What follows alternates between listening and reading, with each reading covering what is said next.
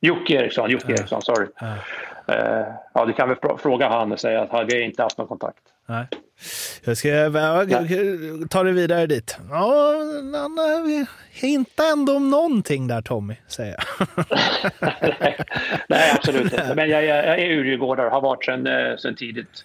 Ja. Väldigt tidigt. Så du klickar honom inte om han, om han ringer så svarar du i alla fall? Ja, ja. Om mm. inte anonymt nummer. Ja, exakt. ja.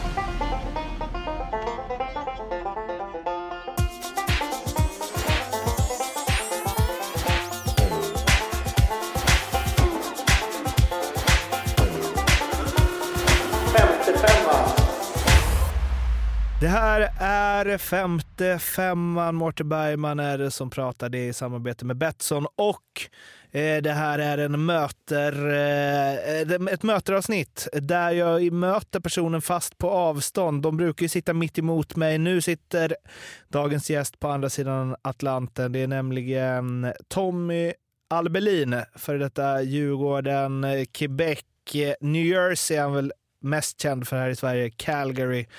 Eh, och sen så har han ju också nu på senare år tränat både i New Jersey och idag som ASS-coach i schweiziska landslaget. Vad vi pratar om i podden det hittar ni i beskrivningen till densamma och mig når ni på Instagram, Martin Bergman eller 55 kan ni skriva till där också. Vi spårar tillbaka klockan till den 8 december. Tommy Albelin.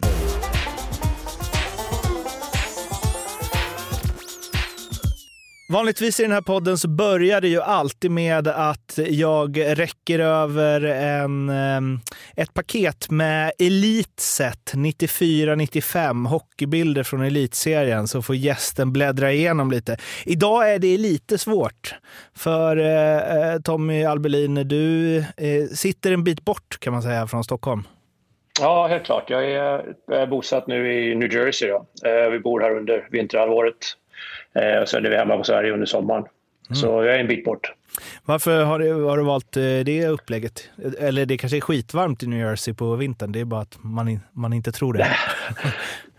Nej, det är det inte. Men vi har lite kortare vinter och sen blev det bara så Eh, att jag varit kvar här för eh, eh, jag, hade, jag jobbade som assisterande coach efter att ha slutat spelat. Mm. Så vart det här och sen är mina barn, bägge barn är födda här i precis där vi bor. Och de har gått, vi sa alltid att de skulle gå klart skolan här borta där vi bodde och det gjorde vi. Och sen har vi nu, när de har gått klart skolan och allting sånt, så har jag en son som flyttade till Stockholm och så har jag en dotter som bor i Edmonton. Så vi kan väl säga att vi bor precis mittemellan. Ah, okay. Så eh, det tänker man ju inte att ni gör. Man tänker mycket närmare till Edmonton. Ja, nej, det är väl, eh, vad ska vi säga, minst eh, fyra och en halv timme flyg med två timmars tidsskillnad. Så Ja, ah, det är det alltså? Ja, okay. sju, ja sju, sju och en halv och sex timmars. Då, så. Mm. så det känns som vi är lite mittemellan just nu. Men vi får väl se vad vi tar vägen om ett par år. Vad är hemma då? New Jersey eller Stockholm? Det är väl, det är väl så att eh, vi åker hem, när vi åker hem då åker vi både hit till New Jersey, tillbaka till New Jersey efter en lång sommar och sen efter en lång vinter så åker vi hem till, till Sverige och är där på sommaren. Så vi åker väl hem till bägge ställen kan man säga. Mm. För vi har ju varit här så pass länge nu så vi är ganska inrotade i USA men ändå så har vi behållit traditionen med Sverige och sommar, midsommar, mormor, morfar och hela den här farmor farfar, hela den biten. Så det har, eh, för oss har det funkat väldigt bra. Du, om vi spolar tillbaka riktigt eh, jäkla långt och hamnar i IF Brommapojkarna. Eh, de kan inte fostrat skitmånga hockeyspelare, va? Eller? Nej, vi, vi började, vi hade inget hockeylag då. Vi började spela fotboll där. Ah, okay. eh, och den sen startade, ja, Per-Erik Eklund, kommer ihåg honom, spelade i AIK lite senare, Philadelphia Flyers och sen ja, numera håller mig till uppe i Leksand. Jag är Leksing eh, så jag har järnkoll på honom. Ja, precis. Alltså, vi startade väl ett eget lag. Vi tyckte det var så kul med fotboll. Vi hade en bra grupp, så vi startade vårt eget lag i Brommapojkarna. Mm. Vadå, ni och drog ihop? Sankt, Sankt Erik, ja, precis. Sankt Erikscupen spelade vi då. Det var i stort sett samma killar som spelade. Det var ett eh, lite blandat lag av 63, födda 63 och födda 64. Okej. Okay. Vad var ni bäst på? Vi hade bara kul tror jag. Nej, det finns väl några. Jag tror det var någonting som hette, då hette Bamsekuppen på den tiden. fanns det något som hette som var med och då var väl Hammarby var väl de stora, eh, det stora laget man skulle slå, försöka göra det då. Eh, RA73 var ett annat utanför Märsta precis i Stockholm. Eh, det var väl de och Djurgården var väl också okej, okay, men det var de två lagen som var, var bäst enligt oss. Då. Så, sen sen körde, vi, körde vi där och vi tyckte att vi hade så bra gemenskap på fotbollen så, så vart det ja, på vintern hade vi ingen fotboll, så vart det hockey istället. Men vad, jag tänkte, vad, vad var ni bäst på? Fotboll eller hockey? Ah, just då tror jag, vad ska vi säga, jag tror jag var nog bäst på fotboll just då i alla fall. Och sen tyckte jag det var så himla kul att spela ishockey så det var det som tog över handen till slut när man var 15-16. Ah, okay. För mig så är ju liksom, var ju du en, eh, en, en spelare i NHL, alltså jag växte liksom upp med NHL under 94, 95, 96, 97 där Foppa liksom han vann med Colorado och så. Eh, och, ja. och, för att ha spelat så mycket matcher i NHL eh, så Alltså jag vet inte om det var jag som var mer fascinerad av Peter Forsberg än eh, dig 95 som tioåring. Eller om du förde en ganska anonym tillvaro där borta ändå. Jag vet inte. Eh, Va, hur uppfattar du det? Jo, det kan... Eh, jag uppfattar det så. Som när vi spelade då på mitten på 90-talet, speciellt i New Jersey. Om jag gå tillbaka lite längre tillbaka i tiden så har jag haft, haft två olika roller typ, i min karriär. Jag började typ i Quebec tidigt 80-tal, eller mitten på 80-talet. Mm. Och på den tiden då spelade jag bara, bara powerplay, PP så att säga. Fem mot fyra, det var enda jag spelade nästan. Spelade nästan ingen fem mot fem, ingen boxplay. Och sen när jag kom till New Jersey då kanske 88, 89 och sen när vi fick en tränare som heter Jacques Lemaire. Jag tror han kom in i säsongen 93 eh, någonstans. Eh, och då fick jag lägga om för han ville att vi skulle spela defensivt och allting var lag först.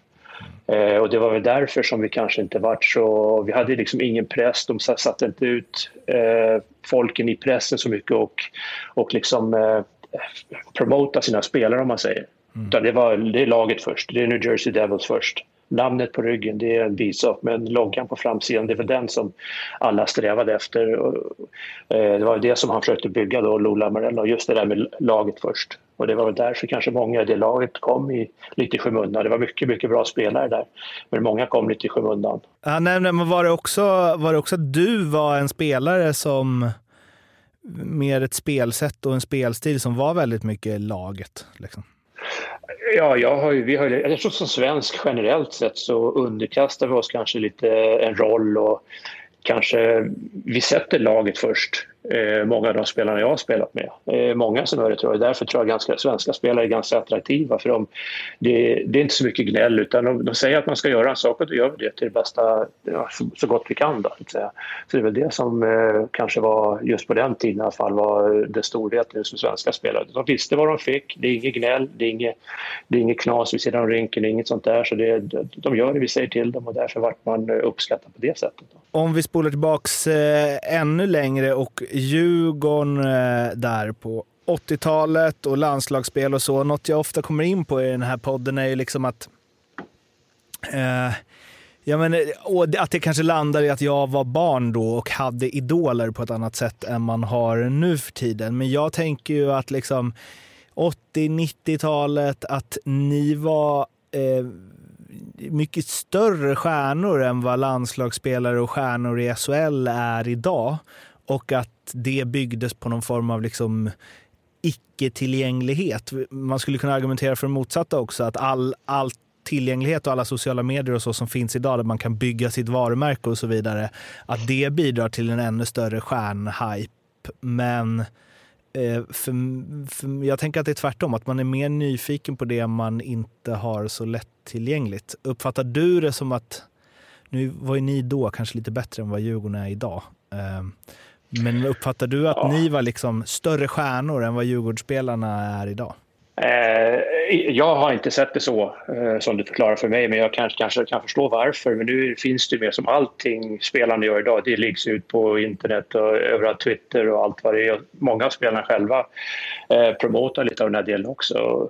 Och den, att säga, den generationen jag kom från då, och sen när, när Twitter, dels var jag kanske ganska, ganska för gammal när det började hända, att vi hade inte de, de verktygen att kunna, kunna göra så. Och sen som jag sa tidigare med New Jersey, att det var lag först, utan du, du pratar inte med media. Och, eh, typ, och det, det är coachen, general managern och sen kanske kaptenen som pratar mest med media. De andra är liksom mer i skymundan och tar det lugnt, vi fokuserar på laget, vi ger dem ingen information som de inte behöver. Så jag har väl inte sett det eh, som att vi var mera stjärnor, men jag måste säga att just idag så känns det som för mig, jag var nere på en signing här i eh, förra veckan och då var det en massa gamla fans som hade liksom svårt att få tag i oss äldre spelare som ville ha lite eh, bilder signerade från eh, Stanley Cup-tiden 94-95. För mig känns det som att de är lite mer otillgängliga än idag med den mediagrejen de använder sig av. Mm. Så det är svårt till exempel att få och Nico Hischer komma ut till en, eh, till en signing till exempel. Mm. Eh, de här men, men som jag säger, det, det, är också inte så lätt att få tag i oss äldre spelare som inte vi, många av dem kanske inte är på Twitter och media så det är lite svårt att se var vi, var vi är någonstans. Men jag tror mm. att de äldre spelarna är lite mer, de åker ut på signing så de åker ut och gör lite i, ja, i community här med lite clinics och sånt där som mm. de håller till. Och där har ju Devils gjort en bra sak med deras alumni som de har. Det är Bruce Driver, uh, Colin White och Grant Marshall som håller den delen och varit med i de här uh, lite mera, vad säger man då, uh, mindre rika områdena här runt i New Jersey och försöker promota hockey då, runt omkring. Och där har de gjort, gjort ett bra jobb med, med den delen. Eh, om vi eh, börjar där, det blir väl 82 då, eller 83. Eh, kommer du ihåg din första match på elitnivå? Nej, Nej, jag inte. Jag kommer däremot ihåg min första NHL-match, det, det är det jag gör. Men eh, elitserien, nej, jag kommer ihåg galler. Jag kommer ihåg, jag kommer ihåg vi spelade någon träningsmatch mot något finskt lag tidigt på 82-83 säsongen där. Det var väl det mitt första. Jag, varför jag kommer ihåg det, för jag hade nog bilder just på den, med galler och så var det något finskt lag vi mötte i någon träningsmatch. Det är väl det jag kommer ihåg i stort sett. Och sen eh, kommer jag väl ihåg eh, hela Håkan Loob, Färjestad, det var ju 83, vi vann SM-guld mitt första år. Så det, det kommer jag ihåg eh, lite, lite grann av då. Just med Håkan Loob, han fick gå igenom från Djurgårdsfansen och allt det där och vilken otroligt bra spelare han var när han var på, på sluttampen. Eh, den första NHL-matchen du kan ju dra den istället. Quebec var ju mitt första lag eftersom ja, Foppa okay. lirade där. ja, precis. Vi började i, i, ja, i Quebec då. Eh, och då kom jag, jag kommer ihåg, jag kom direkt från 87 var ju Canada Cup. Mm. Eh, så jag kom direkt från, eh, från Canada Cup. Vi hade åkt ut mot Ryssland. Jag tror vi spelade i, i Hamilton Cops Coliseum tror jag, så åkte vi ut. Och sen eh, Sen så flög jag upp till, eh, Tyckebäck Quebec och började träningsläget. Det första jag gör som jag kanske inte hade gjort idag, eh, man var lite ung och lite oerfaren på de här ställena. Men det första var att träffa general managern, träffa coachen. Sen ställde jag av min eh, bag i omklädningsrummet och sa jag, jag tror att jag har, har rätt till en veckas ledighet efter Canada Cup. Så jag, jag tog ett flyg ner till New York och var i New York en vecka hos min frus syster som bor där. Så det, när jag tittar tillbaka så var inte det det, det bästa bästa genidraget från min sida. Men just det är engagemang. Det, det, är då vi som har framfötterna direkt. Alltså. ja, precis. Så det, då var de inte så glada och det förstår jag nu lite senare man har växt upp. Man liksom, fan gjorde du sådär för? Mm. Men, eh, men i alla fall. Men så gick vi igenom träningsläget. Sen var det min första match var i Hartford, mot Hartford. Mm. Eh, kommer inte ihåg så mycket. Jag vet att jag gjorde ett mål på Mike Liut, det var första målet, första matchen. Mm. Eh, mer än så, jag spelade mycket powerplay där första matchen. Andra matchen var hemmamatch mot, eh, mot Boston. Eh, en assist i den matchen också på PP-assist tror jag. Eh, tredje matchen var i Montreal och då var jag på läktaren, fick inte spela. Mm. Så det var så Quebec-tiden såg ut ungefär. Ja, okay. Men du gjorde ändå 26 var, pinnar var, första säsongen. Ja, eh, mycket tack vare Stadsnebröderna.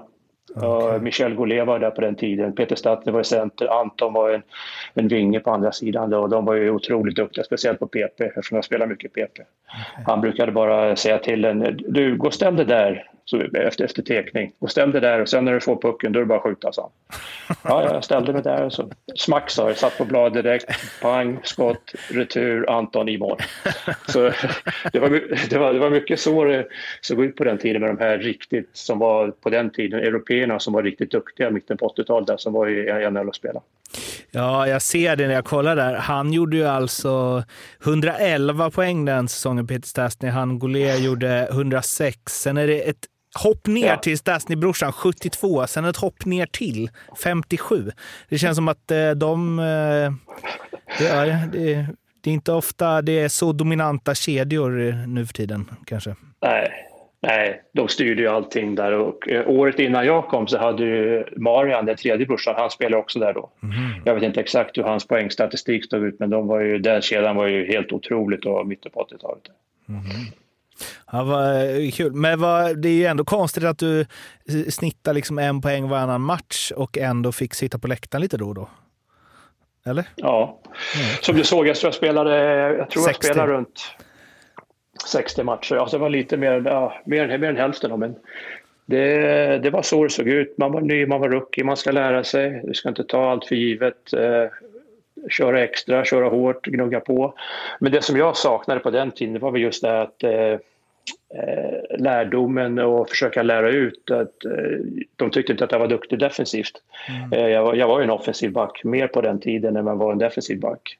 Eh, så jag tyckte där var det lite problem just att försöka lära ut hur jag skulle spela defensivt. Man fick inte så mycket information utan det var liksom, man fick ja, nästan försöka gissa sig till vad, hur vill de att jag ska spela. Man fick liksom ingen tydlig förklaring att jag vill att du gör så här när du går ut i hörnet, du ska klubba upp puck här, du ska kunna sätta på, du ska sätta fast den i sargen, du ska göra ett snabbt uppspel. Den här informationen fick man liksom inte då utan fick man liksom försöka lura ut själv mm. lite grann.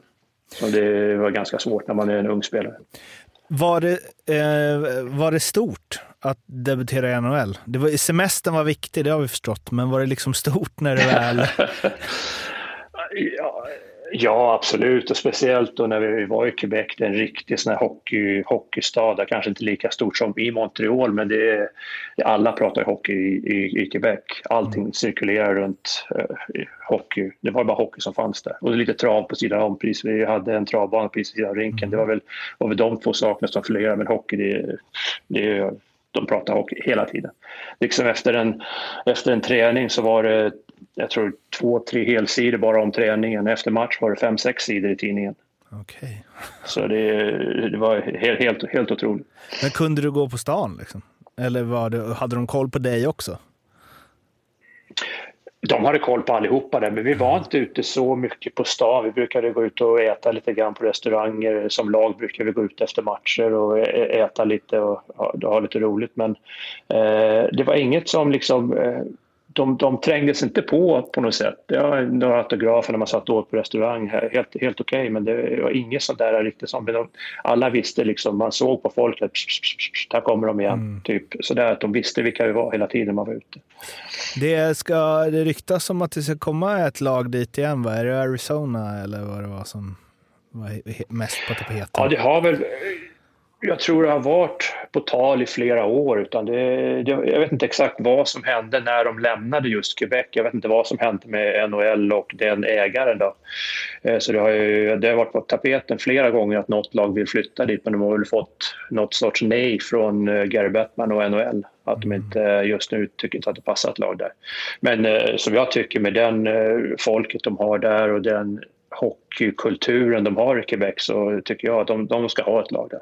När du, nu eh, kunde jag ju inte liksom eh, eh ge dig något paket hockeybilder och så, men eh, när du ser gamla bilder eller ser gamla klipp eller så, vad gör du det med, med för känslor? Liksom? Är det nostalgiskt och eh, fint eller är det saknad av en svunnen tid eller är det en, en mix däremellan? Nej, sakna tycker jag. Eh, det som man saknar som jag känner det kan vara eh, i omklädningsrummet efter match, innan match. Man sitter och man pratar och pratar ihop sig. Det är väl det man saknar. Just det här med just själva spelet. Där, där fick jag nog. För jag spelade tills jag var nästan 42 år. Så där kändes jag. När jag var klar med hockeyn och spel, då var jag, liksom, då var jag klar. Så jag inte saknade det på, på det sättet. Eh, naturligtvis, det saknar att lyfta en buckla till, absolut. Men inte just så att man sitter och eh, liksom längtar tillbaka till den tiden på något sätt. Utan men, eh, det, det, är mer, vad ska man säga, när man ser på hockeyn att eh, dagens hockey det är en helt annorlunda hockey mot vad vi spelar. Allting är så, går fruktansvärt fort och de är så absolut spelskickliga så det är liksom eh, om du hade satt in en sån spelare på den tiden det hade liksom inte, det hade inte varit roligt att se. Det, jag hade inte hängt med först och främst eh, mot de här killarna men det är fantastiskt hur, hur, hur pass spelskickliga de är nu för tiden mot vad vi var då. Då var det liksom lite mera, man säger, lite mer brunkarhockey Mm. Lite mera slashing, hooking och hela den här biten som inte existerar idag. Jag intervjuade Niklas Sundström i förra avsnittet och då hade han, hans tröja ska ju upp i, i eh, taket nu och då hade de suttit och gått igenom några gamla matcher från, kan det vara hans första i Modo, är väl 90, alltså 90-91 eller något så här. Eh, och då hade väl, jag tror om det var hans ungar eller något som hade sett det där och bara, mm, pappa vad är det här för något? Liksom, vad är det ni spelar? Liksom? Att man skäms ju eh, när de är vana att titta på det som är idag. Liksom. Det är ju knappt samma sport, sa han. Ja. Nej, det är, det, är en, det är en otrolig skillnad. Det är en otrolig skillnad, det är det ju. Eh, sen kan man väl säga så här också att hockey det är ju en kampsport. Jag tycker i, i dagens hockey så kanske lite av av det att man blir kanske utvisad för en del saker som kanske inte skulle bli utvisad för. Just den här kampen runt mål och försöka ta sig in på mål. Det är väl den här kampen som jag, man tyckte var rolig, försöka över, överlista motståndaren eller över liksom över, vad säger man då, få bort den, boxa ut den på något sätt. Och det, det, är jättesvårt idag att göra det inom, inom reglerna som finns. På, det, på förr i tiden var det kanske lite lättare och, och förr i tiden kändes det som att det gjorde ont. Om du skulle in framför mål då fick du betala ett pris för att komma in där. Och nu i, idag känns det lite mer att den som vill gå in på mål, han kommer dit. Det är jättesvårt att stoppa dem och komma dit med, om man ska använda sig av dagens regler. Varför la du av? Nej, som jag sa, jag var 42 år då och det kändes som att eh, just träningsbiten när man blir äldre så känns det känns som för mig i alla fall. Jag var tvungen att träna liksom mera än vad jag gjorde när jag var ung för att bara hålla mig flytande så att säga, hålla mig vid samma standard som jag året innan och alla andra tar ett kliv upp. Så det var varit mer och mer träning eh, och inte det resultatet som man kanske ville ha. Och sen kände jag också, jag hade, jag hade spelat, jag hade spelat VM, jag hade spelat OS, Canada Cup, spelat NHL, vunnit. enda liksom jag skulle vilja ha en, ett, ett, en chans att göra om är väl kanske ett OS, för där har vi inte lyckats någonting. Men just de andra så kändes det att det var, jag kände mig ganska färdig med, med hockey just vid det tillfället, när jag bestämde mig. Det fanns inga jobbiga känslor kring det beslutet liksom? Att så här, nu är det, nu är det jo, över? Abs abs Ja, absolut, absolut så tänkte jag, fan kanske ett år till kanske jag köra det här. Men det är mycket liksom, som familjen har ju fått, eh, fått ta, ta, inte, jag ska inte säga ta en del stryk, men de har fått eh, rätta sig efter vad, vad jag var, var tvungen att göra för någonting. Mm. Och det kändes också som lite 42, nu är det dags att familjen kanske får lite mer av den tiden som de, de är värda. Mm. Också, det var också ett, eh, en sak som eh, hjälpte till med det, med det beslutet. Eh, kommer du ihåg din eh, sista match? Oh. Ja, det kommer jag faktiskt ihåg. Det var slutspelsmatch i Carolina. 2006 då. Jag tror vi åkte ut mot Carolina 4-2 i matchen, någonting sånt. Så det var en sen, jag tror jag fortfarande har, jag, jag tog den faktiskt den pucken för den matchen, mm. mitt sista byte som jag gjorde, så den har jag någonstans liggande. Du visste att det var sista? Det var, innan? Liksom. Det kändes, jag, jag, kände, kände så att det, för det, den säsongen man liksom var, jag spelade inte varje match. Jag tror jag bara spelade typ kanske 30 matcher och sen kanske, jag vet inte hur många slutspelsmatcher jag hade det året, men inte varenda match utan man var in och ut lite grann. Det kändes som att nej, det, ja, för den tid och energi du måste lägga ner för att ligga här så kändes det kanske inte värt det att satsa hårt. Sen som jag sa tidigare, att det, jag var nästan, nästan 42 så det var, liksom, det var på tiden kändes det som.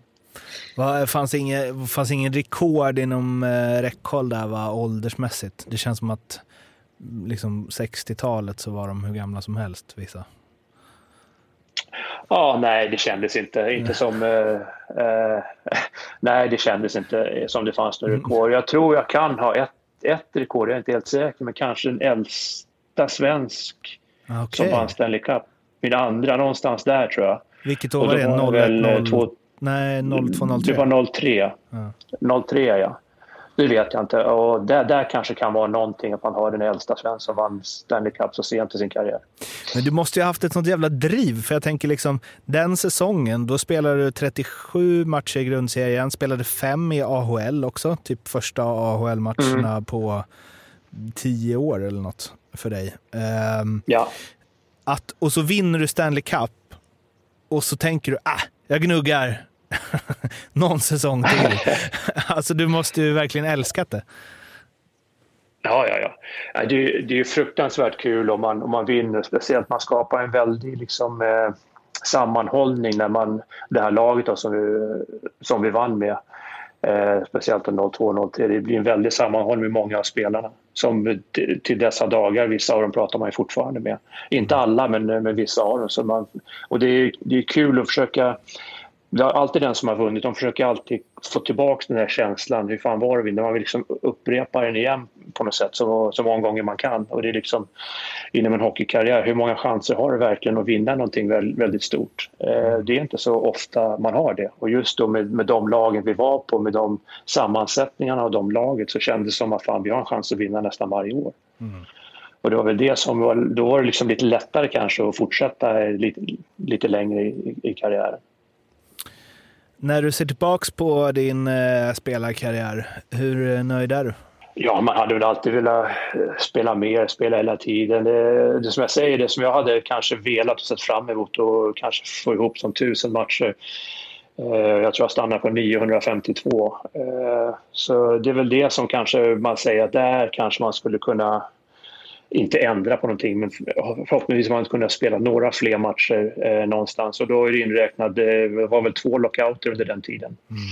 Eh, och hade inte de varit så hade det nått dina tusen matcher men det är liksom saker man inte kan förutse och, och spå in i framtiden. Men, men det är väl en av de sakerna jag tycker, där är väl någonting som jag skulle vilja spela för det är ganska stort att spela tusen matcher i NHL. Sen är det ju väldigt knasigt det här med att, de, eh, att det är liksom separerat grundserien och slutspel. Man, man, bara, man räknar inte med det som är det absolut viktigaste. Det är, bara, alltså, det är aldrig någon som snackar om vem som har gjort mest poäng i ett slutspel genom åren till exempel. Det är alltid bara grundserien, vilket ju är väldigt knasigt. Eh, reflektion utifrån eh, NHL-bubblan. liksom. Ja, jag håller med. Helt klart. Jag tycker också det skulle ingå på något sätt. Men eh, ja, så om man räknar så så skulle det väl landa på, jag vet inte, 1020 ja, eller 30 någonting sånt. Ja, ja, men har, hade, du, um, hade du skadeproblem här? För det är ganska många säsonger ändå som är liksom 36 matcher, 48, 53, eh, 44, 42. Var det... Ja, 48 där. Jag tror det var lockoutåret tror jag. Det var väl 95 ah, då? Okej, okej. Ja, det stämmer. Det var, det, var, ah. det var bara 48 matcher det ah, året. Exakt. Eh, sen hade jag i Calgary-tiden där så hade jag en axelskada. Jag tror jag var borta nästan 10 månader. Ah, okay. eh, sen har det varit lite sån där, lite, ja, man har varit förkyld, man har varit sjuk någon gång och missat lite matcher här och där. Och inte spelat så bra, varit nere i farmarlaget och spelat, försökt spela sig upp igen. Mm. Så det har varit lite, det har varit lite i min karriär, lite, lite överallt. Mm. Faktiskt. Eh. Och det för mig själv så var det viktigt för mig själv att visa att det, du kan spela, det är coachen som inte vet vad han pratar om. Så det jag försökte, eh. försökte göra, försöka komma tillbaka och visa att jag verkligen kan spela. Funkar det så idag med? Att eh, det coachen inte vet vad han pratar om när du bytt sida? ja, nu är det spelaren som inte gör som jag säger. Exakt. Misstänkte det.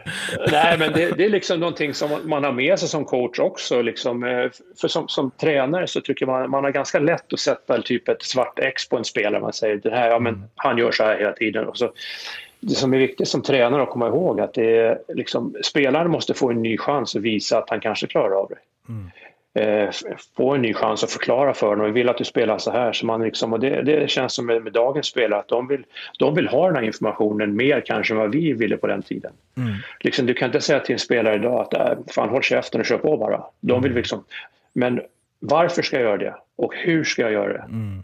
Och kan du visa mig hur jag ska göra det? Det är de tre sakerna man får som tränare idag. Och det vet inte jag många av tränarna förr i tiden. De hade kanske inte det eller tänkte inte så utan de... Många gånger så, som tränare så, så, så, så coachar man ett lag som man själv har varit med om, det man, det man mm. vet. Och då har man blivit behandlad på ett visst sätt och kanske det kanske tar överhanden i vissa lägen.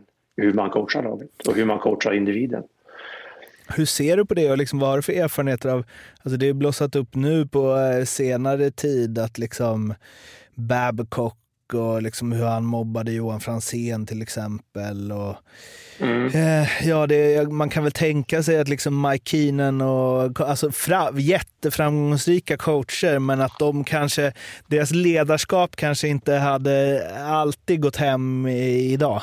Eh, hur ser du på det, det sättet att, eh, eh ja, men att leda? För det är ju förlegat eh, och det finns mycket i det av det man har hört som är liksom hemskt. Men det är också lätt till titlar. Ja. Liksom.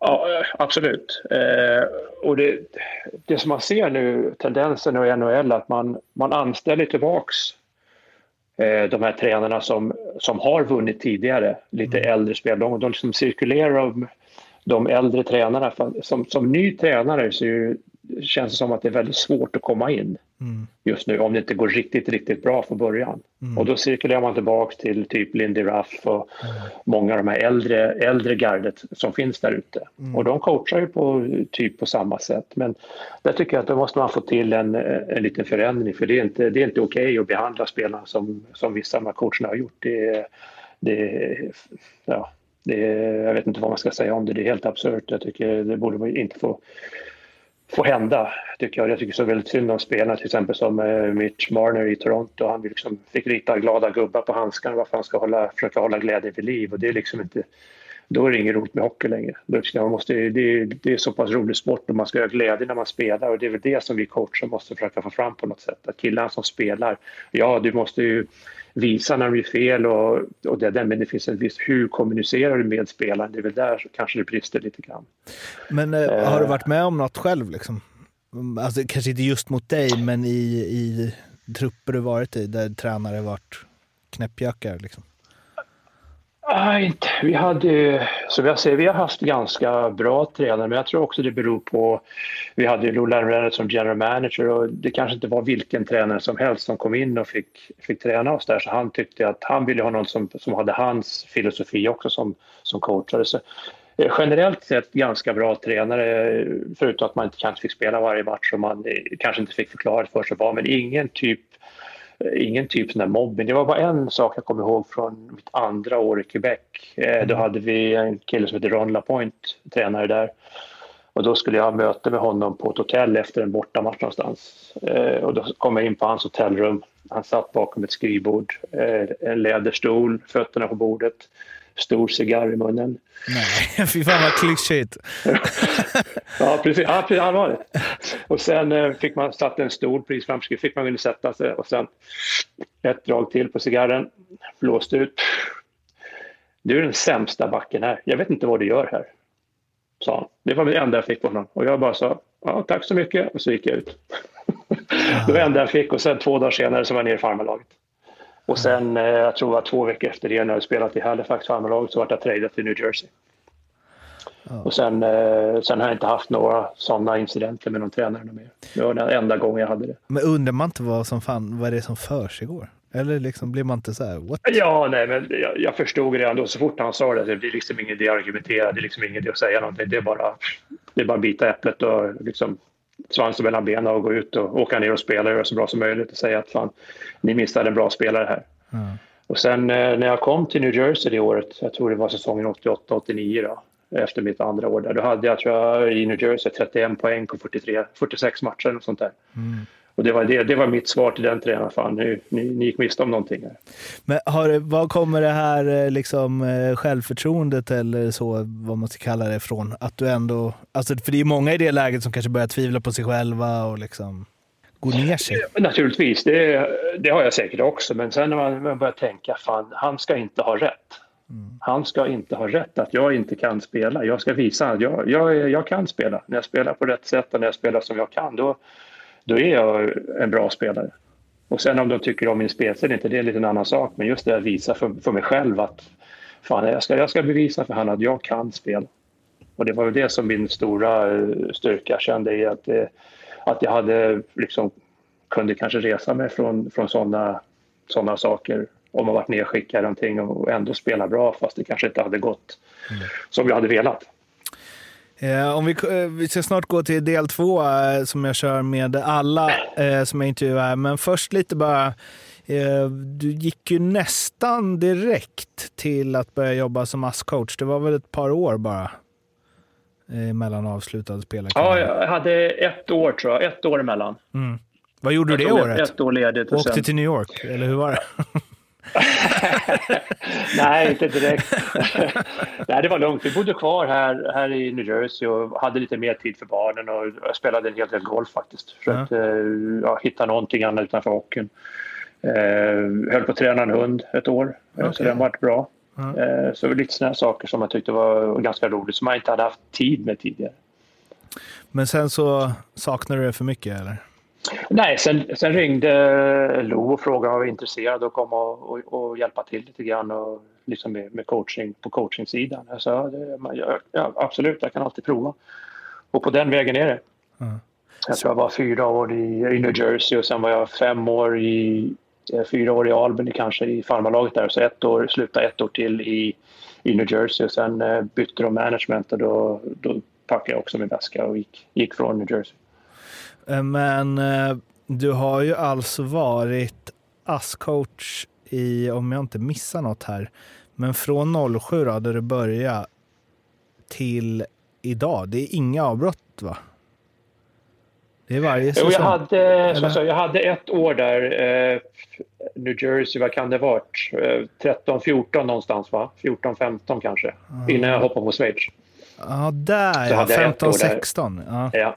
Okay. ja, där är ett, ett avbrott. För då var då som Lulla Amralla försvann till Toronto. Ja. Och då kom det in ny, ny general manager och nya ägare och de hade en lite annan filosofi, en lite annan bild hur de ville driva eh, laget och spelsystem och hela den biten. Så då, då tackade jag också för mig och sa att det känns bra här. Så då hade jag ett, ett år ledigt med betalt, så det var bra. Ja, de, de åren är alltid bra. Eh, no, men ja. i alla fall, eh, förutom ett år då, mellan 07 och till vi är idag, så har du ju varit eh, ASS-coach. Eh, ja. Varför vill du inte vara headcoach? är ju frågan. Ja, dels måste så det måste vara rätt tillfälle, rätt lag, ska kännas rätt i tiden och sen tycker jag om att hålla på liksom med lite mindre grupper med just med, som med backarna och lite mer specialitet om man säger och kunna gå in lite djupare med dem och sitta och liksom kolla på hockey med dem och se liksom komma in lite i deras tankesätt, hur de tänker, eh, hur de löser vissa situationer och sen försöka kombinera ihop det med hur jag skulle ha löst situationen och kanske presentera en annorlunda lösning som inte de har tänkt på. Och mm. ibland presenterar spelarna en annorlunda lösning för mig som inte jag har tänkt på. Mm. Så just den där delen tycker jag är väldigt rolig att hålla på med och den som, som head coach så förlorar lite av den delen för du kommer inte ha den tiden att kunna hålla på så mycket med just den individuella eh, spelet och för spelaren om man säger. Så den tycker jag är väldigt intressant att komma in på spelaren och lära känna spelaren ordentligt och veta hur de agerar i olika situationer. Och det är väl just där att eh, jag tycker att det, det känns bra. Och sen som huvudtränare är väl mycket skit, ja inte skit ska jag säga, men det är mycket med media, det är mycket grejer runt omkring som inte handlar just om hockeyn. Mm. Som de måste ta, ta reda på. Och sen hålla, hålla 23 man, hålla 23 man eh, glada och nöjda, alla ska spela och det är mycket sådana beslut också som, så jag tycker jag vill, hålla, jag vill, coacha, jag vill coacha hockey men också ha den här gruppen som man liksom har en viss, visst område som man är ansvar, har ansvar för. Som jag, jag känner mig bra, jag känner mig komfortabel i den rollen eh, och tycker om och då måste man ha liksom en, en rätt huvudtränare på plats och så där, som, som ger en det ansvaret. Och det har jag haft hittills. Du har varit i NHL flera år, eh, schweiziska landslaget också nu flera år. Sverige, lockade på någon vänster, SHL? Ja, vi får väl, får väl se vad, som, vad framtiden utvisar här. Eh, men absolut, rätt tillfälle, som eh, om man säger rätt förutsättningar i laget man har, eh, spelarmaterial, vad har de för tränare, vad har de för filosofi, vad har de för framtidsplaner, vill de bygga under ett år, vill de bygga under fem år? Det är mycket sådana där små saker som, som går in i ett sånt här beslut, vart man vill vara någonstans. För jag, jag har ingen, ingen eh, liksom komma in och vara där ett år och sen bort för att det inte har gått bra. Jag vill ha liksom lite stabilitet och ha en, att, att lagen man kommer de har en framtidsplan, en femårsplan, du har en treårsplan, femårsplan, sjuårsplan. Mm. Så man vet ungefär hur man bygger och vart man är på väg någonstans. Och sen mm. försöker man ja, fullfölja det under de här åren. Men som man vet att, eh, som i Schweiz, mycket i Schweiz just nu, det, är, det handlar bara om att vinna. Och det, är liksom, det är lätt att säga att vi ska vinna, men har vi verkligen förutsättningarna för att vinna? Det är väl det man måste kunna utvärdera sitt lag på, om vi verkligen har de förutsättningarna. Eller om man säger att vi ska vinna, eller ägaren säger att vi ska vinna, men vi har inte en chans att vinna. Vad gör man då? Mm. mm. Men, vad, ehm, men det finns inget som liksom håller dig... Du skulle kunna tänka dig att flytta till Sverige? Liksom? Ja, vi har ju alltid sagt att någon gång eh, så kommer vi flytta tillbaka till Sverige. Någon mm. gång, vi vet inte riktigt när det är. För nu, nu har jag varit i Schweiz i, i fem år. Jag har uh, fortfarande det här året och två år kvar på kontraktet. Uh, men vi får se, man vet aldrig vad som händer. Får vi se. Det, det, som Schweiz är ganska... Det kan vara så ett missat OS, ett platt VM och sen vet man inte, då kanske man får leta efter ett nytt jobb. Det, det är sant i den här branschen. Mm. Ingen vet någonting om, men det, och då när det händer, om det händer, då får man ta ställning till det just nu. Men just nu har jag ingenting konkret eh, på att flytta hem till Sverige och tidpunkt när vi ska flytta hem till Sverige har jag inte någonting konkret sagt. För nu eh, har inte jag gjort min research här, för det är tråkigt när man researchar för mycket. Men nog fan stod det att du var klar för Djurgården va? inför den här säsongen? Ja, ja det, det, det, kom ett, eh, ett rykte via Twitter tror jag det var. De började väl där. För det var väl eh, Djurgården, någon, eh, jag vet inte exakt vad han heter, men det var någon i Djurgårdens styrelse som hade lagt ut lite sådana här småkrokar. Just, just, just, Att den här näst, nästa coach, vunnit eh, har vunnit Stanley Cup. Ja, exakt. Ja. Nästa coach, han har coachat eh, Sverige vid ett OS. Typ sådana här grejer kom han ut med. Då liksom den listan eller har varit med om ett OS. Så om man börjar eh, lägga ner den listan så kanske inte finns så många spelare och tränare kvar som man har på den listan. Mm. Och då var det, jag tror det var Mr Madhawk som hade hand om sig att han har aldrig haft fel tidigare. Mm. Eh, och han ringde till mig och också frågade om Fan, är, det, är det sant eller hur är det? Nej, det är inte sant jag har inte ens pratat med Djurgården. Men, men det, nej, det måste vara sant. Nej, jag har inte pratat med Så på den, på den vägen var det. Det var lite, lite ja, jag tyckte inte det var så roligt heller för mina schweiziska chefer. Jag fick sitta i en halv dag bara och förklara att det, för det kommer ner, ryktena kommer till Schweiz också och sa att jag var klar för dem och de visste fan, fattade ingenting. Mm. Och då fick jag sitta där och dementera och förklara för dem att eh, det är verkligen inte sant.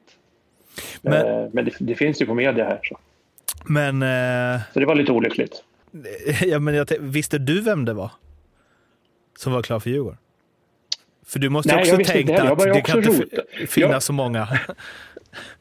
Nej, jag trodde också kanske Kronvall kan vara han, absolut. Och sen eh, dagen innan det, det, de släppte det så kom jag, fan, det är Barry Smith, måste vara han, finns ingen annan. Och då kom, då kom jag på det, liksom, dagen, 24 timmar innan de släppte det. Så. Eh, men eh, nej, det var lite olyckligt hur de gjorde det där. Jag, ja, det var väl inte så, jag säger professionellt gjort om man säger. Men, men det, de får göra sköta det som de tycker. Men för mig så var det lite, lite omständigt med mina chefer i Schweiz. Då. Ja, jag fattar det. Eh, men vadå, så du har, eh, eh, du har aldrig pratat med Djurgården i det ärendet? Jag har aldrig pratat med Djurgården om en coaching, coachinguppdrag för Djurgården. Nej, det har jag inte gjort. Okay.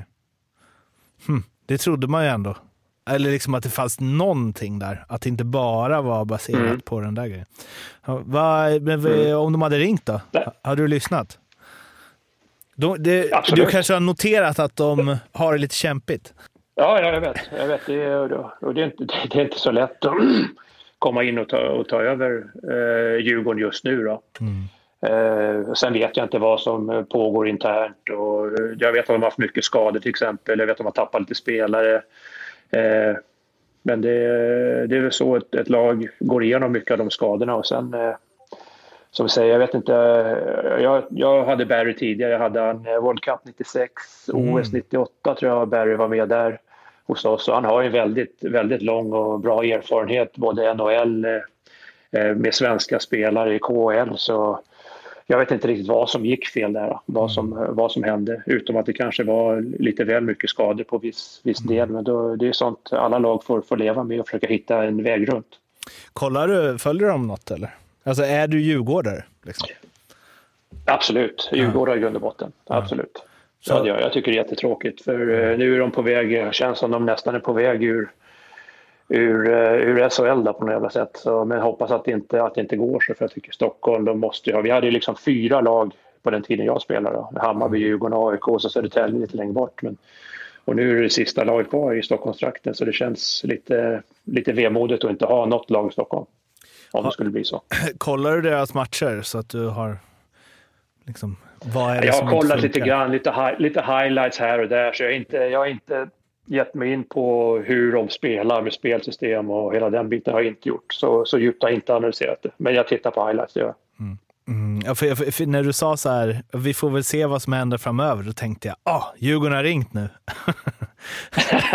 Nej, det lät så jävla... Det kan du fråga, jag tror... Ja, vad sa du? Ja, du får fråga Niklas Eriksson, det är väl general managern där va? Eller sportchefen. Inte, hette inte Niklas Eriksson tror jag va? Eh, Jocke Eriksson. Jocke Eriksson, Jocke. Eriksson, sorry. Ja. Uh, ja, du kan väl fråga han och säga att vi inte haft någon kontakt. Nej. Jag ska ta det vidare dit. Ja, vi hintar ändå om någonting där Tommy, säger jag. nej, nej, absolut inte. Men jag, jag, jag är urgårdare, har varit sedan, eh, sedan tidigt. Ja. Väldigt tidigt. Så du klickar honom inte om han, om han ringer så svarar du i alla fall? Ja, ja. Om mm. inte anonymt nummer. Ja, exakt. ja.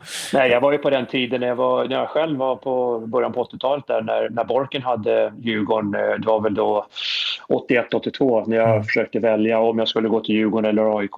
Mm. Eh, och då höll ju Djurgården på att åka ur året innan och de klarade sig precis kvar.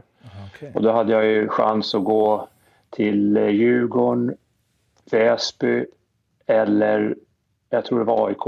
Mm. Något av de tre lagen. Och då klarade sig Djurgården kvar och då, då kände jag att det, det är där jag ska vara. Vi går till eh, del eh, två då, som jag kör med alla.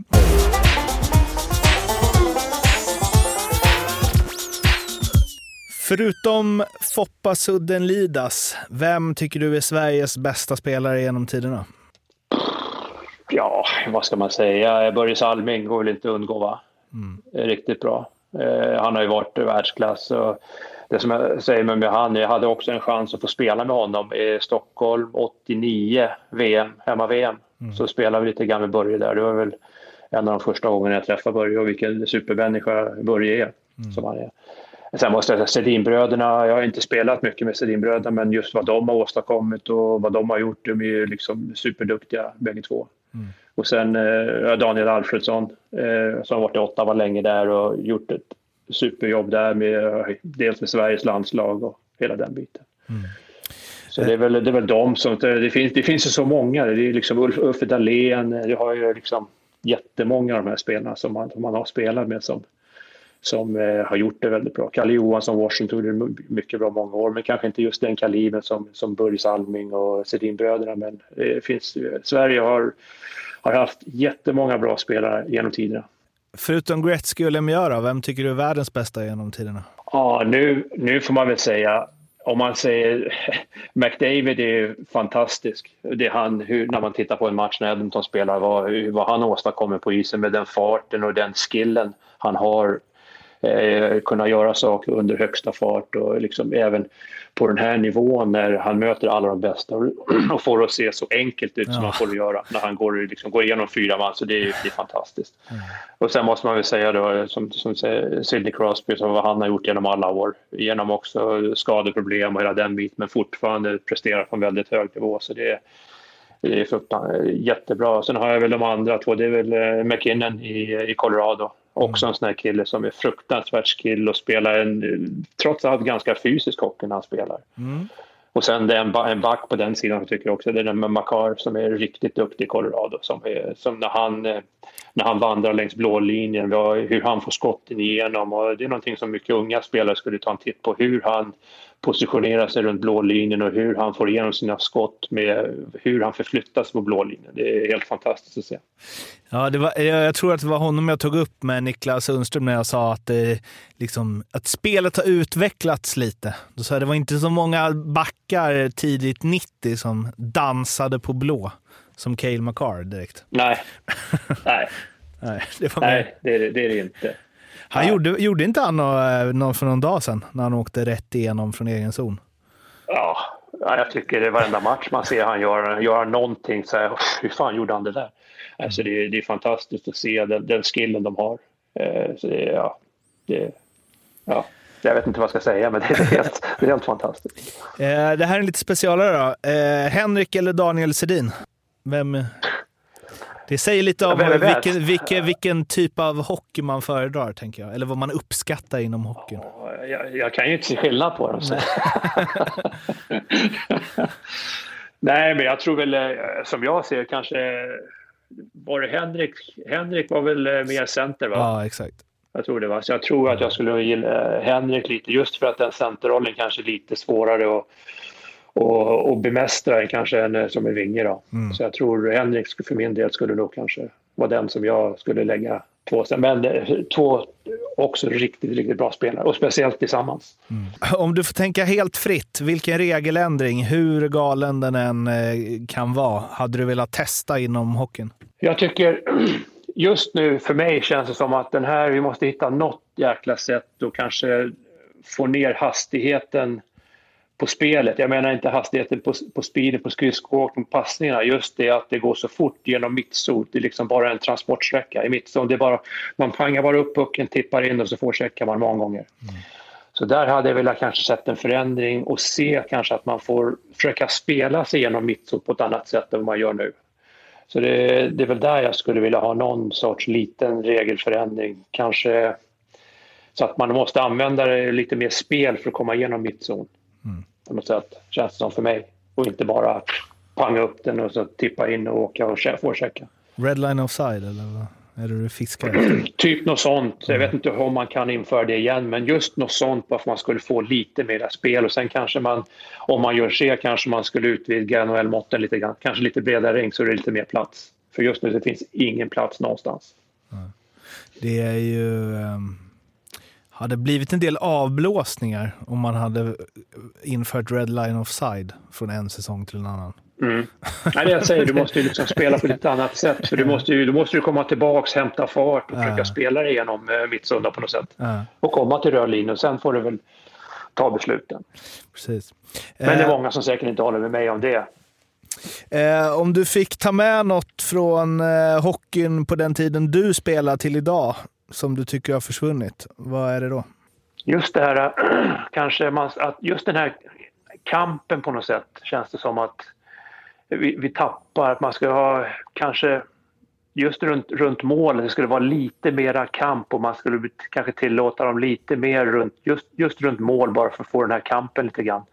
Det är svårt att säga, eh, men det är det som jag tyckte att det, det var där som man tyckte var jag tyckte det var, kul att ha den här kampen runt mål lite mera och hitta på liksom olika saker man kunde stoppa eh, motspel och motståndaren med. Eh, men många av de sätten är liksom olagliga. Då.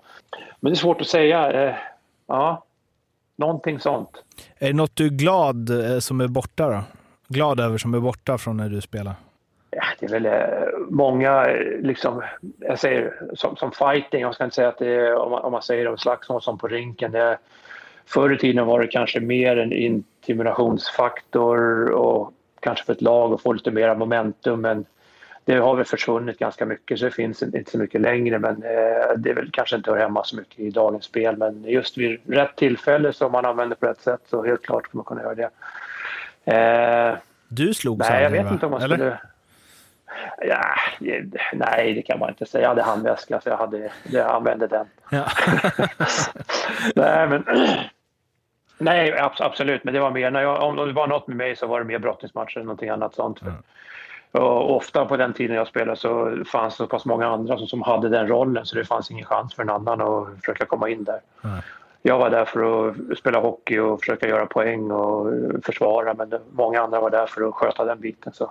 Den eh, bästa spelare du har spelat med och då behöver det inte vara den som blev det största namnet eller är det kändaste namnet utan jag tänker mer eh, liksom, den som du har spelat i samma lag som och som upprepande mm. liksom stått för de bästa prestationer du sett? Ja, för mig, för mig finns det bara liksom, ja, det finns ett par stycken, men just när man säger namn och en kille som uh, har vunnit det mesta varje nivå han har varit på. Också en ytterligt bra, bra kompis och bra lagkamrat, det är Scott Niedermayer. Mm. Uh, det var en av, de killarna som uh, en supermänniska och riktigt, riktigt bra hockeyspelare. Och han har, tror jag, vunnit på varenda nivå han har varit på. Mm. som jag säger, kommer från en riktigt bra familj. Riktigt, han har jag tror, tre eller fyra barn, riktigt bra pappa och hela, riktigt fötterna på jorden. Eh, så det är en av de eh, killarna som, som verkligen har stått ut genom de lagen jag har spelat i. På det sättet han har spelat på, på det sättet han har uppfört sig själv. Och, så det är jätte, en superkille. Så det är väl den som jag känner att det är den bästa. Och sen har jag spelat med många andra, Martin Berdor, Scott Stevens de här, men just han har, tycker för min, för min del så är han en av, eh, förmodligen den bästa jag spelat med. Den bästa du mött då utifrån samma kriterier? Ah, det finns ju så många. Gå tillbaks till eh, den ryska storhetstiden när mitten på 80-talet när vi, vi mötte Fetter Kasatonov och hela den här KLM-kedjan eh, som de hette då. Det, eh, finns det någon bättre kedja i eh, fem, alltså en fem-man unit? Finns det någon bättre även i dessa dagar?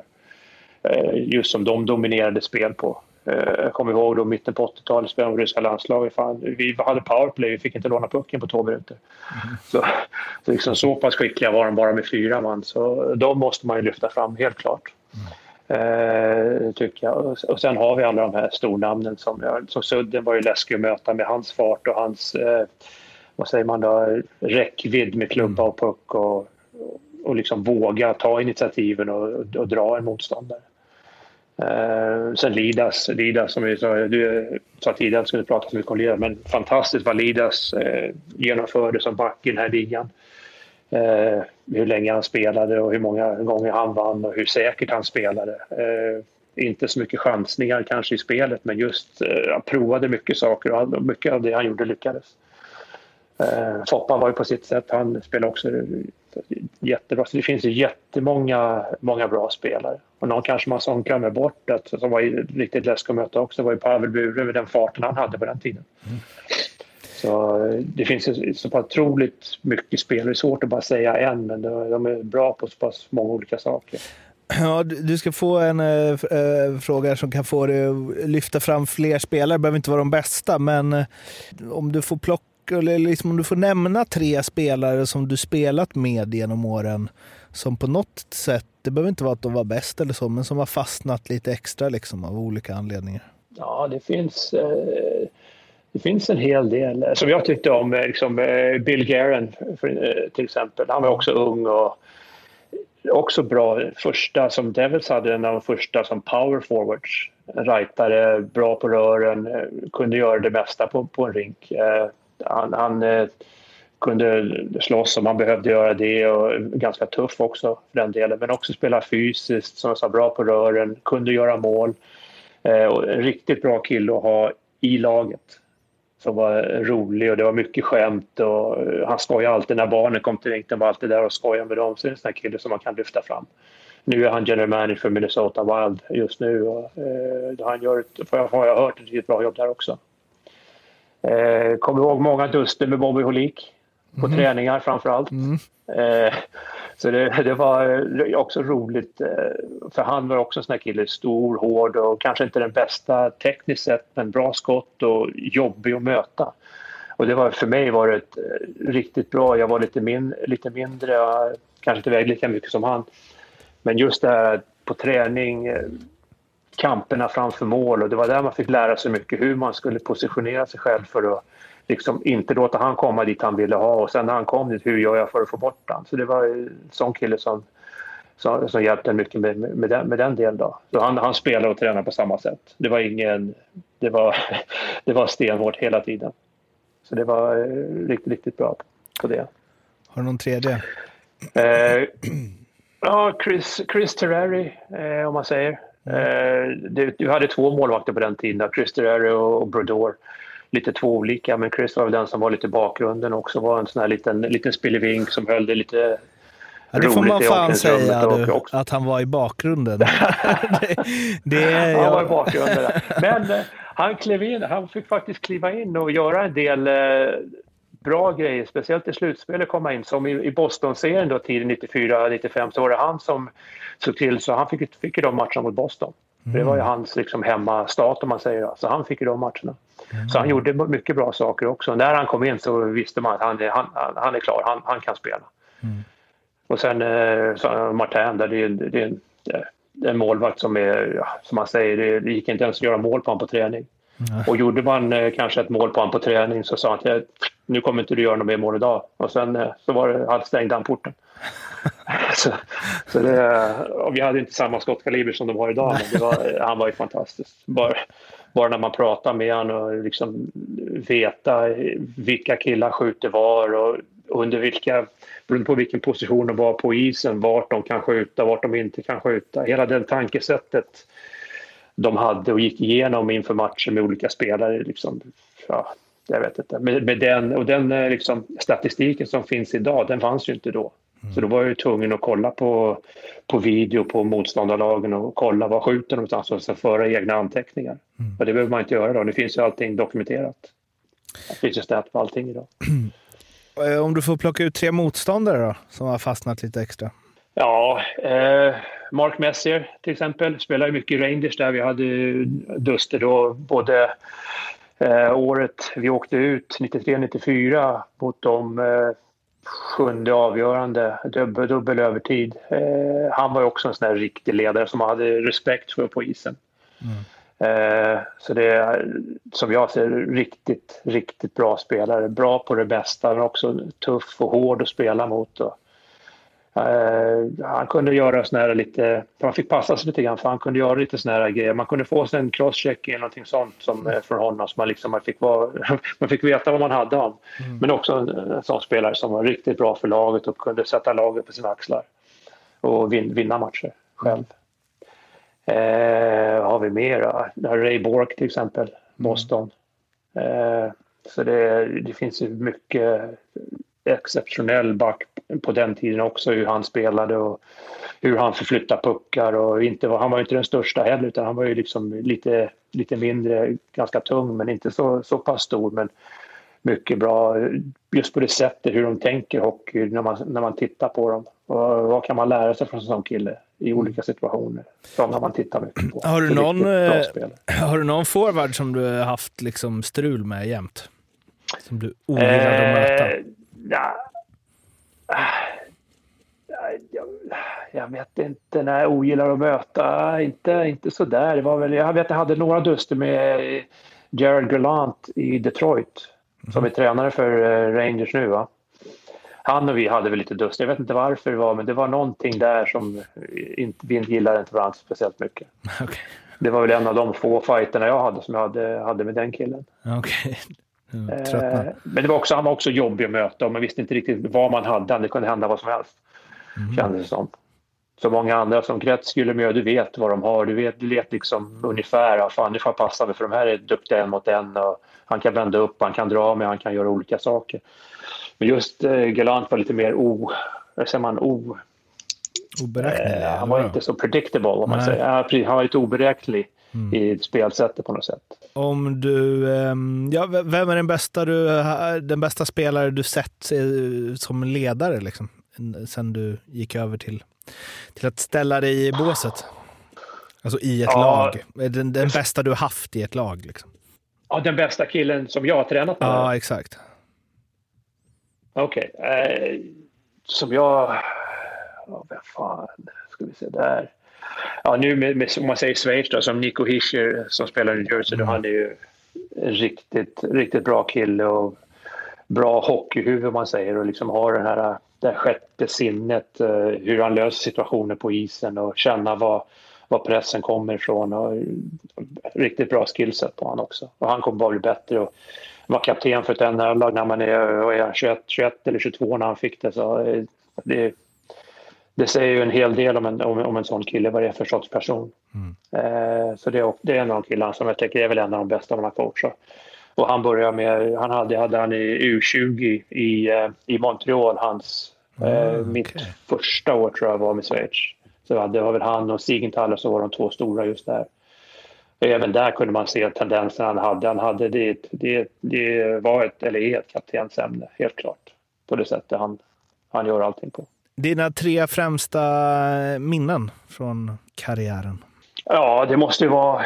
Ja, det tredje minnet är väl, vad säger man, eller jag ska inte säga tredje, men jag har väl ett par mer än kanske bara tre, men mm. VM-guldet 87 eh, naturligtvis. Eh, stort, stort med just det vi gick igenom med det VM, med det här Sykora-fallet och det fick avgöras av dom, domstol om vi skulle gå vidare till till eh, vidare turneringen och spela, fortsätta spela. Eh, så det var naturligtvis väldigt stort. Och så de spelarna som var där, med Bengt-Åke, Sandström, eh, Eldebrink, Masken Karlsson. Alla de här är fantastiska minnen. Mm. Sen också den första Stanley Cupen, då, 95 om man säger. Det var väl riktigt högt på, på, den listan då, med det, det laget vi hade och Detroit som var stor favorit just i den serien och kunna vinna den fyra raka. Eh, men sen också den andra Stanley Cupen tycker jag också den är väldigt speciell för andra gången man försöker vinna någonting eller man vinner någonting så har man man vet exakt vad man gick igenom den första och hur jobbigt och hur svårt det var med all den här, allting du måste, måste göra för att komma till den här situationen och ha chans att spela med Stanley Cup. Mm. Och just att ha det med sig i bagaget inför den andra, det, var, det, fan, det, det kommer bli jobbigt där. Så den kanske är lite mer speciell när man vet vad som krävs och vad man måste gå igenom för, för att kunna vinna. Mm. Eh, så det känns som den är liksom första, va? Fan, vi, vi spelar på och vi kör vidare men sen den andra som jag säger, det, då vet man fan jävlar så här kändes det. Och, eh, så det, den vart kanske lite mer speciell. Och så hade jag turen eh, bägge gångerna att vinna på hemmaplan så det är mm. också ja, väldigt var det Detroit roligt och trevligt och speciellt för fansen. Finalen, eller?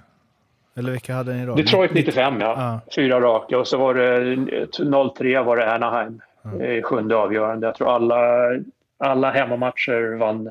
Hemmalaget vann alla matcher. Mm. Alltså jag kollar 94-95-truppen där. Mycket ja. gnuggar alltså. Lemieux, Hoik, ja, Garen, Broughton, McLean. Alltså det är liksom, det är inga som åker runt och såsar på bortre röd direkt. Nej, det var väl en som kanske vi hade, var väl Richer då kanske som var lite av den. Mm. Men vi hade, nej, vi hade ett eh, riktigt bra hockeylag om man säger. Vi mm. kunde spela på vilket sätt som helst för att vinna matcher. Vi kunde spela tufft, vi kunde spela offensivt, vi kunde spela defensivt. Och jag tror just den här 95, eh, så jag tror vi hade mot Detroit, jag tror de hade 17 eller 18 skott mål i dem, per match i de, eh, mm. de matcherna. De hade. Och så har man Martin som har 17. Och de hade bra lag, mm. absolut. De hade jättebra lag. 17-18 18 skott per match mm. och, och, vinna den då, fyra raka, var, det var en, en prestation i sig. Mm. Och det var också, det, det var ju liksom en, en lagvinst, om man säger. Vi hade den, den berömda crash, berömda crashline på den tiden. Det var Pelouse, Holik och Randy McKay ja. som dominerade. Ja, det var ingen man... Det var inte så mycket flippassar där kanske? Nej, nej. Men det behövdes kanske inte. Det, de kanske satte stopp för motståndarnas flippassar också. Ja, absolut. Men, men eh, vad är ditt starkaste minne från Stanley Cup? Liksom? Ja, det är väl när man får eh, när, buck, när man får bucklan man får från en lagkamrat och blir överlämnad till den. Det är mm. riktigt stort. Och sen när man får hålla den och veta hur hårt man har kämpat för i lite över två månader bara i slutspelet eh, mm. för att komma till den här positionen. Och sen känna att fan, det är, vi är nummer ett i världen mm. när man håller den där bucklan över huvudet. Mm. Det är väl det som är det ultimata i varje hockeyspelares karriär om man säger, om man har de drömmarna. Men, mm. eh, och det tror jag mycket ungdomar har. De har de drömmarna mer och mer nu eftersom allting finns dokumenterat, allting på tv. Mm. Det är mycket NHL på tv hemma i Sverige. På den tiden när vi, mitten på 80-talet, fanns det liksom nästan ingen, ingen NHL alls på tv. Eller det fanns ingen NHL på tv. Nej, så det, nej, det är stort. Eh, om du med all den erfarenhet du har av hockeyvärlden idag kunde hoppa in i en tidsmaskin, åka tillbaks och träffa dig själv 15 år, vad hade du gett för tips? Ja, vad hade jag gett för tips då? Åk inte till New York. det är ett bra tips. Åk inte till New York, stanna och, i träningsläger. Åk Visa inte till New kan. York, det kommer fler chanser längre fram. Ja, precis. ja. Ja.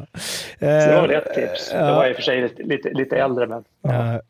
Nej, men jag, det tips som man har gett sig själv som jag tyckte att jag hade ganska bra koll ändå, men jag hade liksom sagt igen att ge inte upp. Mm. Även fast inte någon kanske tycker om det sättet du spelar hockey på eller handboll eller fotboll på ett sätt.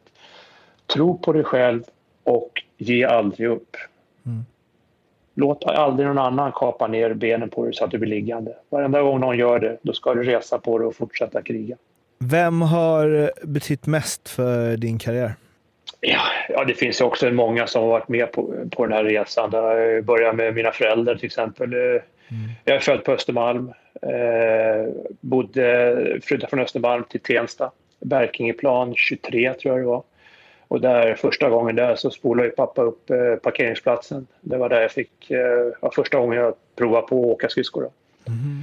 Eh, så det, de, det, det, har väl ett stort, har gett ett stort intryck att just man fick prova på eh, någonting som speciellt föräldrarna hjälpte till med. Och det var väl där intresset, man säger, började, att det var så fruktansvärt kul. Mm. Så jag började egentligen inte med ishockey, jag började spela bandy egentligen. Eh, och sen, eh, sen senare vart det eh, vart ishockey. Då. Eh, och fotboll innan det naturligtvis. Mm. Men det är väl det. Och sen måste jag säga, som min egen familj, som min fru, har ju fått ut, stått ut med en hel del. Eh, så mycket som vi har rest och med hockeyn och hela den här biten. Så det, det är en, det är en eloge till dem som som är på hemmaplan så att säga hela tiden och, tar hand om allting runt omkring när vi, när vi plockar upp och, och åker bort på match eller om man blir tradad någonstans och man ska till ett nytt lag och det är de som får ta hand om, om spelarna man, man lämnar. Mm. Så det, det är en stor eloge till dem. Och sen ja, jag support från, från familj och, och vänner och hela den biten. Och sen också de tränarna som till exempel för mig så Leffe Bork var en stor tränare för mig som gav mig chansen först i Djurgården och sen också senare i landslaget.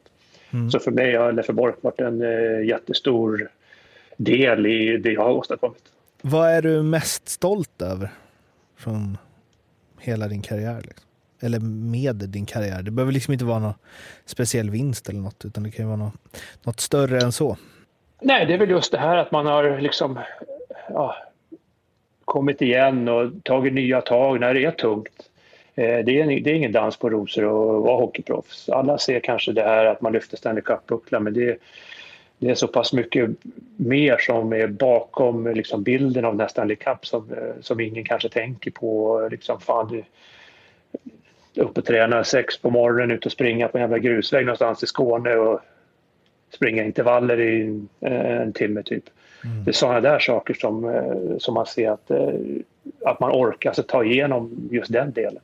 Mm. Just den där vin, vinnardelen, det är liksom, när det händer, det är, då är liksom allting lätt och frid och fröjd. Men just det där, den där mörka delen som inte kanske så många ser eh, vad man gör. Liksom, istället för att gå ut med polarna.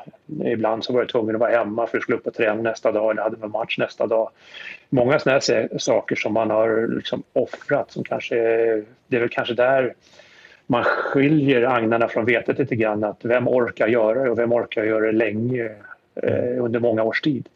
Klara av det. Och vissa kan kanske inte klara av det för det, man har ju olika värderingar här i livet. För vissa är kompisar och sånt en, en väldigt stor, stort värde i, i det eh, som man kanske inte, han fan skit i träning, jag hänger med polarna istället. Mm.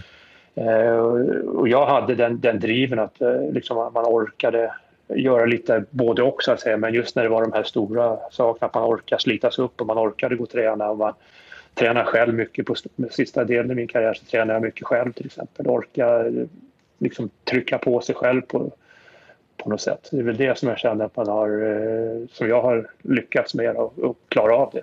Eh, två frågor kvar då. Ehm, den första, vad är det sjukaste som hänt dig inom hockeyn? Eh, det kan också översättas till berätta en rolig anekdot från karriären.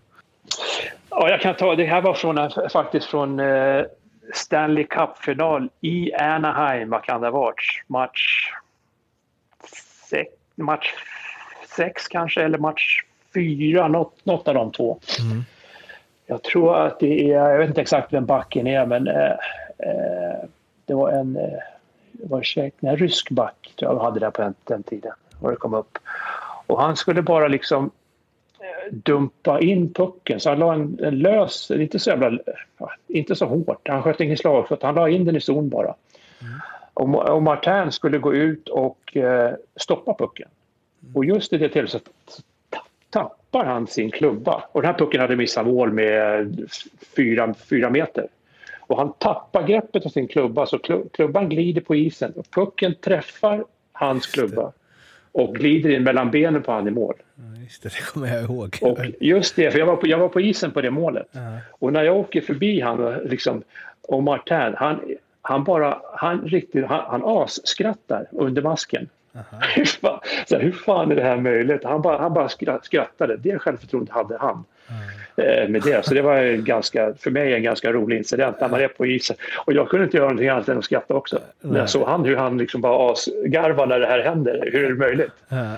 Just i en sån match, i en Stanley Cup-final. Eh, så det var väl ett av de här eh, tråkiga minnen, men det vart roligt med hur han hur han liksom, ja, skrattade och hur han hanterade det. Det var, det, var, det var roligt. Det som du säger, säg något om det gjutna självförtroendet man har, om man kan ta det på det sättet. Ja. Uh, Avslutningsvis, ja, vilken spelare från, gärna från den här tiden då, liksom 90-talet, eh, vilken svensk spelare blir väl lättast? Eh, tycker du att jag borde intervjua i den här podcasten? Åh, oh, någon intressant. Eh, någon intressant ska vi se här. Har du haft Uffe Dahlén tidigare? Nej, han är lite klurig. Det är mycket fiske och jakt och grejer. Men du, du kanske ja, kan dra ett mest till honom och säga att det är en jävla härlig upplevelse där, att han borde ställa upp. Ja, precis. precis. Nej, men han har mycket, han har mycket, han var ju riktigt sån här prankster man säger, så han har ju mycket ah, okay. roliga sådana historier om man är ute efter en sån. Vi får höra kanske den delen. Ah. Så jag var inte, inte så mycket för såna här pranks, men han och Kalle Johansson var väl de största prankster vi hade, speciellt på det World Cup-laget 96 som vi hade. Ja, jag ska fortsätta jaga honom. Jag kan ja, skicka med att det rekommenderas av Tommy Albelin, skriver eh, Ja, gör det. Men, ja, eh, då är vi klara där. Då. Tusen tack för att du ville vara med Tommy. Ja, tack så jättemycket. Det var trevligt. Mm. Ha det fint. Detsamma. Vi hörs.